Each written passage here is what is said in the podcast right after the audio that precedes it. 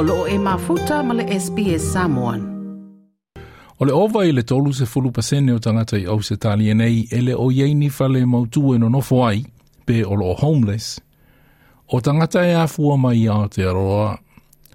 O le i o Jonathan a mai, ua ova nei le tausanga o nofo i se fale e suulu fai, yei i la ua le aini moenga e momoe ai, po o se crisis accommodation my job is in Blacktown, so I want to be as close to there as I can. And even from here to Blacktown, all the suburbs around are quite out of my price range. With child support and my own bills every week, it's quite hard getting by. O Jonathan Amai, ua tolu se fulu malatasi tau sanga lona matua, ma e to alua lana whanau teine, na whananau umai au se taliana i. I was going to go home ages ago if I didn't have my girls here. So but the only reason why I'm still here in Australia and my job. O le uti uti o i la whainga luenga, le le ai o se benefiti mai le malo, ua matua whainga tā i le tau o le soifuanga i sini, mō Jonathan Amai. Na ia whaalia le le fea o le tūlanga e whainga o fia i tanga anu o au se tālia, o na lātou maua benefiti i New ai ua le mawhai na maua se whesoswani mō ia, e ui ua iwa tausanga o whainga luenga, matatongi ana la fonga i au se talia nei. I've been in Australia for eight, nine years now. I've been working ever since I'm here, been paying tax the whole time, and I don't see why we're paying tax if we're not eligible for any housing and all benefits. Like, I didn't come to Australia to jump on the benefit, but it'll be good to have that there just to know in case something happens at my job. Because it's different. If you guys go to New Zealand, you're eligible for everything. I don't see why we're different. o Jonathan a mai mai si tangata mai New Zealand o lo o maua se tō o manga mai le whaala putuputonga whesoasoa ni le Haymarket Foundation e awala i potu mamoenga e mamoe ai. O le whaatonu o le Haymarket Foundation o le tamaita i o kawen vaisei. Those residents have no access to income support or housing, so they end up staying here for a period of time because there actually is no housing pathway. And until we can, the government can um, reinstate reciprocal arrangements, there is absolutely no hope for those residents.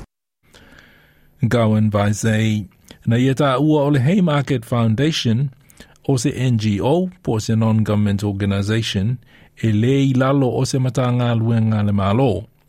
Ma o se tasi o whaala putuputonga, e le tele ni whaala putuputonga whapenei, lātou te talia e ina tangata e le o ni tangata anu u au se talia.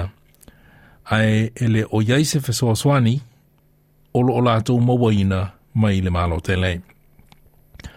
O se tūlanga o lo o manao, Ngawen Vaizei, ina ia suia, ona ele e tau ngofie. Na ia tā ua pe valu se fulu afe tā lai le tausanga, le tausinga o le tangata e toatasi i no fuanga le crisis accommodation. We aren't funded to support those clients, um, so we have to fundraise to, to meet our expenses. It, it costs about $80,000 a year to support a, non, a non-resident or a, a New Zealand citizen here. If there was a dedicated funding stream to support New Zealand citizens, we would be able to work with them to find housing and find uh, hope for the future. Gawan Vaze o Lehe Markets Foundation. Talu mai tau sanga lua fe malatasi. E le ito e maua ina i e tangata anu u Aotearoa, wha amanuianga e awala i benefiti mai le malo au se talia. Na ole paulu fesoswani o lo o lato maua ina o le Medicare. E le ai se benefiti pe ale fai ngā luenga po le unemployment benefit, le ai se benefiti pe a mai, le sickness, le ai se benefiti pe a, a, fia i se mana o ngā tumau, ia pe o ni fesoswani maua i le tūlanga i whale no i.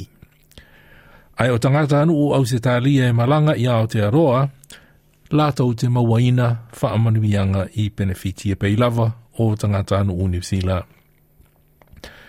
Nā whaalia Erin Longbottom o le Homeless Health Service i le whalemae i le St. Vincent's Hospital, o le whawhita auline nei, na matua māti le tīlalo na tūlanga, i le taimi na wha amalo si ai pui puinga o le pepesi o le COVID-19 se fulmale iwa. Na ia tā ua na ofo e malo te tete, ma malo te ritori au se talia nei fe soani i moenga ma potu mō tangata nuu au se talia, ai o le toa tele o tangata nuu au te aroa na momoe i le ala tele. So there is a really high number of New Zealand citizens sleeping rough in the inner city. Uh, about 30% of the non-resident rough sleeping population are New Zealand citizens, so they're really invisible, and nobody's actually supporting them. So we need to do something about this. Erin Longbottom or Lefalema i St. Vincent's Hospital.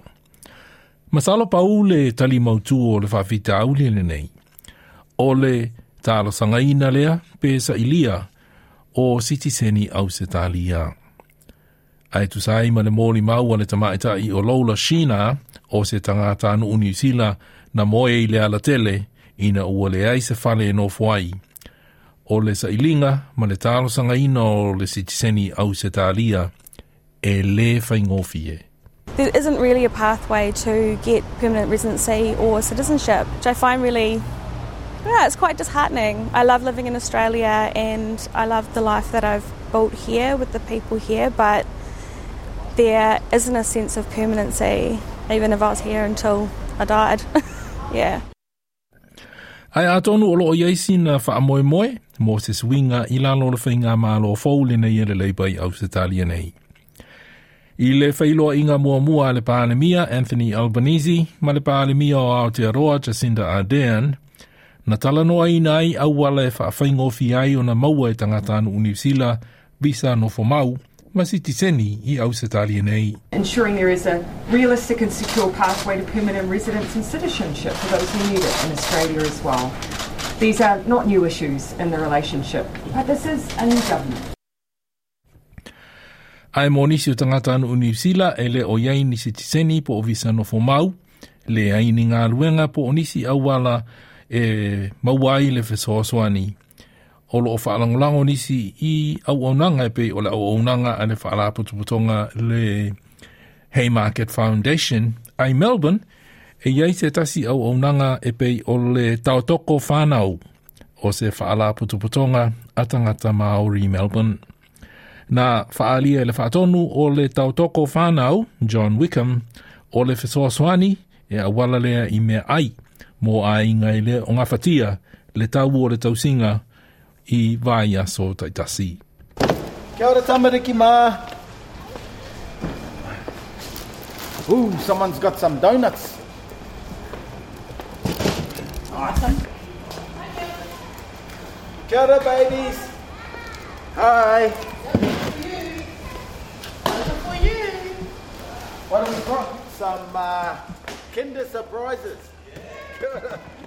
so it's you know mum and dad with a few kids. Um, we've got some families with a large large number of kids, but it's just those that are um, struggling to make ends meet. You know, um, they might have one job uh, between all the members in their family and in their household.